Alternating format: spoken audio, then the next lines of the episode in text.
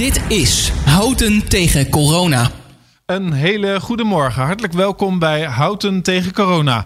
Vincent Beenhakker zit vandaag aan de knoppen, of staat eigenlijk aan de knoppen. En ik mocht sinds een week weer een keer de deur uit, want ik zit hier op gepaste afstand in de studio. Achter de microfoon, achter mijn eigen plopkap. En daardoor heel erg veilig voor een eerste gesprek met burgemeester Gilbert Isabella. Goedemiddag. Goedemiddag. Ja, hartelijk welkom bij ons eh, programma Houten tegen Corona. U bent inmiddels uh, al een ruime tijd een vaste gast. Maar toch is ja, er vandaag wel weer wat spannends aan de hand. Want hedenavond schijnt er toch onverwacht een persconferentie te komen. Um, over het zogenaamde spoorboekje of de agenda voor de, het opheffen van de lockdown. De routekaart, hè? Wordt ja. volgens mij genoemd. Ja, ja, wat verwacht u ervan, van die routekaart? Nou, ik vind het, ik vind het ook een hele spannende. Want um, nou, een paar weken geleden zei de minister-president nog van uh, de week voor 20 mei komt weer een bericht. Hij is er zelfs een week eerder. Uh, ja, ik verwacht toch dat uh, de minister-president een aantal versoepelingen uh, in beeld gaat brengen. En eigenlijk aan geven hoe we de komende maanden wellicht om kunnen gaan met alles rondom corona. dat zal betekenen dat er wellicht wat meer dingen kunnen en mogen. Dat er weer wat winkels meer open gaan. Dat wellicht wat meer gesport mag worden. Dat soort zaken verwacht ik. maar ik wil ook niet te ver vooruitlopen. Want anders is het ook wel weer een domper als het toch minder ver gaat dan je eigenlijk verwacht. Ja, als ik uh, zo eens even de pers lees, hè, en dan wordt natuurlijk uh, nog wat meer achtergrond uh, verstrekt, ook over wat er gebeurt in dat Outbreak Management Team. Dan lijkt het er toch op dat onze minister-president wel gevoelig is voor de beweging die er op dit moment in de samenleving plaatsvindt. Waarin wordt gezegd van ja, nu die aantallen gevallen van mensen die op de IC liggen, nu dat afneemt en het behapbaar wordt, moet toch eigenlijk de economische ja. um, argument meer betekenis krijgen. Bent u het daarmee eens? Ik snap dat, maar uh, uh, ik denk dat het toch ook heel erg belangrijk is om toch die gezondheidszorg heel goed in de gaten te houden. Want uh, alle mensen die ziek worden, die op de IC terechtkomen, hebben een heel groot effect ook in het vervolg van alles wat daarna nog komt.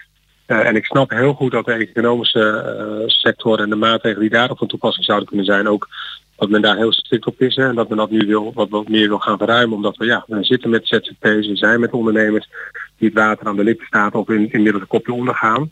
Dus het zou heel mooi zijn als daar wat verruiming en wat mogelijkheden worden geboden. Maar ik denk dat het toch echt niet uit oog moet verliezen. En ik denk dat dat outbreak management team dat ook wel in de gaten zal houden.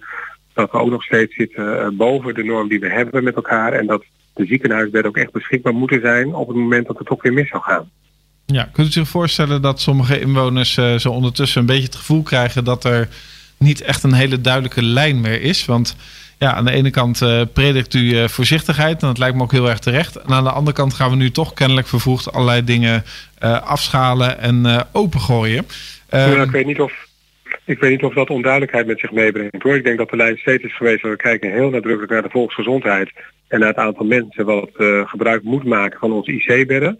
Daar is ook een hele traject voor geweest om dat zo snel mogelijk op te schalen. Daar hebben we deskundige begeleiding voor nodig. Verpleegkundigen die dat allemaal aan kunnen om, om zorg aan onze kwetsbare mensen te kunnen geven die ziek zijn op dat moment.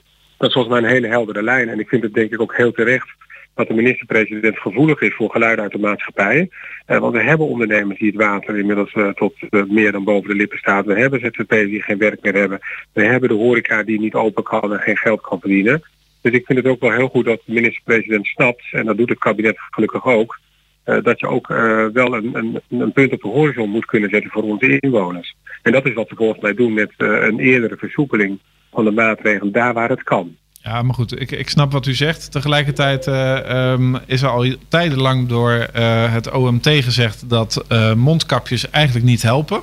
we zien nu dat de KLM heel voorzichtig weer begint te vliegen. Een paar vluchten in de week en daar mondkapjes verplicht stelt. Um, vanochtend las ik in de krant dat het OMT of het RIVM zegt van ja, um, baat het niet, dan schaadt het ook niet. Als u dat heel graag wil, dan moet u dat maar doen. Maar wij zien daar het effect eigenlijk niet van. Het wordt een beetje onduidelijk allemaal. Nou ja, ik denk dat de duidelijkheid is van wat zij zeggen. Wij zien het effect er niet van. Het wordt dus ook niet geadviseerd. Het wordt ook niet verplicht gesteld door de Rijksoverheid. En dat is eigenlijk de lijn waar ik als burgemeester van een middelgrote gemeente gewoon aan houd. Datgene wat het Rijk uh, voorschrijft, dat is het betrekpunt. Dus ook voor, uh, voor mij als burgemeester van Houten. En als mondkapjes niet verplicht worden gesteld, dan, dan is dat niet nodig. Het wordt ook niet verboden om het wel te gebruiken. Ja, dat is een keuze die de KLM en andere partijen zelf maken. Ja, laten we eens even kijken naar de gemeente. Uh, in een niet nader te noemen andere gemeente waar ik toevallig uh, aan het werk ben, is er vanavond een raadsvergadering. Uiteraard wel digitaal. En daar vliegen de, de moties uh, ons om de oren. Waarbij van de gemeente wordt gevraagd om toch flink in actie te komen. Om te kijken op welke wijze, als die lockdown eenmaal iets wordt versoepeld, um, men ook de lokale ondernemers en dan met name de horeca kan ondersteunen. Um, ik, ik, noem eens even een paar dingen, een paar, paar slimme ideeën, of misschien wel niet zo slimme ideeën. Ik ben wel benieuwd hoe u daar tegenaan kijkt. Een van de ideeën zou kunnen zijn dat je vanuit de gemeente een soort van taskforce opstelt. Samen met brandweer, samen met politie, maar vooral ook met uh, uh, ondernemers. Om eens even met elkaar te bespreken op welke wijze je nu toch zoveel mogelijk omzet kunt gaan draaien. Door bijvoorbeeld als burgemeester, maar ook als college te zeggen van goh, wij gaan meer ruimte bieden voor terrassen tijdelijk, hè, zodat ook die stoeltjes wat verder uit elkaar kunnen staan. We gaan minder uh, moeilijk doen over het verlenen van extra vergunningen, zodat er bijvoorbeeld bepaalde loketten kunnen worden geopend om sneller um, zeg maar uh, eten uit te leveren, waar dat nu nog niet kan, omdat de inrichting zich daartoe niet uh, toe leent. Maar een ander idee zou ook een, een soort van kwartje van kok kunnen zijn. Of misschien wel in ons geval een kwartje van Isabella. Waarbij de, horeca, um, een de horeca die open gaat, een kwartje extra zou rekenen voor een biertje of voor een andere consumptie. Waarmee andere horeca die nog niet open kan vanwege de locatie of vanwege de ligging, dan wordt gesteund. Hoe kijkt u aan tegen dat soort ideeën? Ja, ik vind het mooie, mooie creatieve ideeën. Uh, wij zijn hier in de Houten zover dat wij het zodanig hebben gegeven. We hebben coördinatie met corona ingesteld. Ook de ambtelijke organisatie is daarop ingesteld uh, inmiddels. Dus die gesprekken die worden gevoerd uh, binnen de gemeente, die zijn volop aan, aan gang. En ook wij kijken en luisteren natuurlijk mee met datgene wat vanuit het Rijk wordt verteld. Uh, we hebben goede contacten met, uh, met onze ondernemers. Dat, dat betekent ook voor de, zorginstellingen. Dus als dat soort creatieve ideeën komen, en uh, nogmaals, we kijken en luisteren natuurlijk ook mee. We gaan niet tien keer opnieuw het wiel uitvinden. Dan zullen we daar zeker ook serieus naar kijken en kijken of we dat inhoud ook kunnen invoeren. Uitbreiding van terras en dergelijke komt allemaal langs. Het is allemaal niet nieuw. Ehm, maar het moet natuurlijk wel op een gegeven moment ook echt vormgegeven kunnen worden. en ik denk dat het college hier in Houten zeer, zeer bereid is om creatief mee te denken en creativiteit ook te belonen.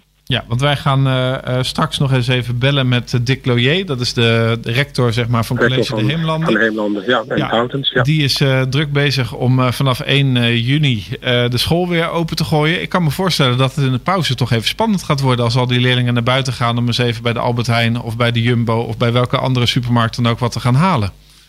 Ja, maar ik denk dat, u noemde nou net Dick Loyer, de rector van de Heemlanden... en het houdt dus als voorbeeld... We zijn heel erg nadrukkelijk al van begin af aan betrokken geweest bij de maatregelen die door het Rijk werden genomen en de creativiteit die zij als school zochten. We hadden volgens mij een dag later alle lessen al digitaal. Dus ook zij zullen uh, heel creatief omgaan en leerlingenstromen in beeld gaan brengen. En je richtingsverkeer instellen, extra lokalen beschikbaar stellen voor het overblijven en de lunchpauze. Dus uh, als er nou één voorbeeld is van, van, zeg maar, van creativiteit die direct wordt opgepakt, dan vind ik het wel in de, door onze schoolbesturen. Dus dat uh, verdient alle lof. Ja, nee, maar daar heb ik ook niks op tegen. Maar dat betekent dus ook dat u van het schoolbestuur verwacht dat ze de leerlingen stromen richting de supermarkten gaan begeleiden in de pauzes. Ik weet niet of, of dat nou het voorbeeld is wat, wat nu moet worden uitgediend. Ik denk dat het schoolbestuur heel goed weet wat ze aan hun leerlingen hebben en dat ze hun leerlingen heel goed binnen het schoolgebouw kunnen houden daar waar dat noodzakelijk is. Ja, oké. Okay, u gaat vanavond uh, voor de televisie zitten. Is eigenlijk al bekend hoe laat die persconferentie komt?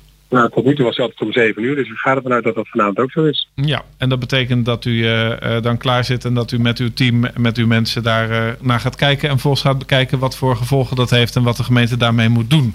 Ik heb nog één, één ander vraagje. Ik heb met u al eerder in deze uitzending ook eens even gesproken over het Nederlandse Koninkrijk. Ik neem aan dat u ook met 4 mei heeft gekeken naar de dodenherdenkingen op de Dam.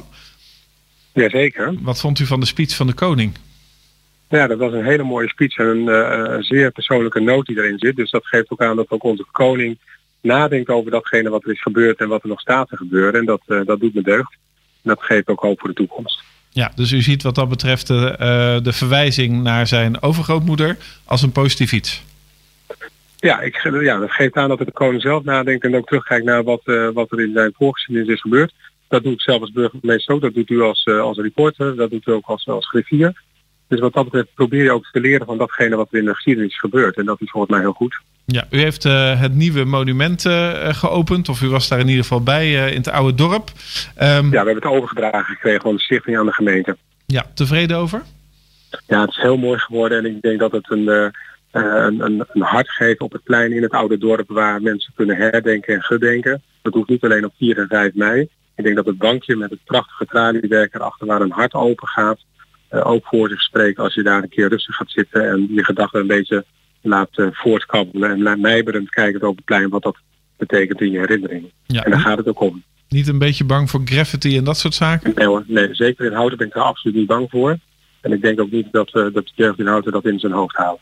Nou, mooi. Ik wil u hartelijk danken voor uw bijdrage. We gaan vanavond naar de persconferentie kijken. En uh, uiteraard spreken wij elkaar binnenkort weer bij Houten tegen Corona. Dank u wel. Graag gedaan. Fijne middag.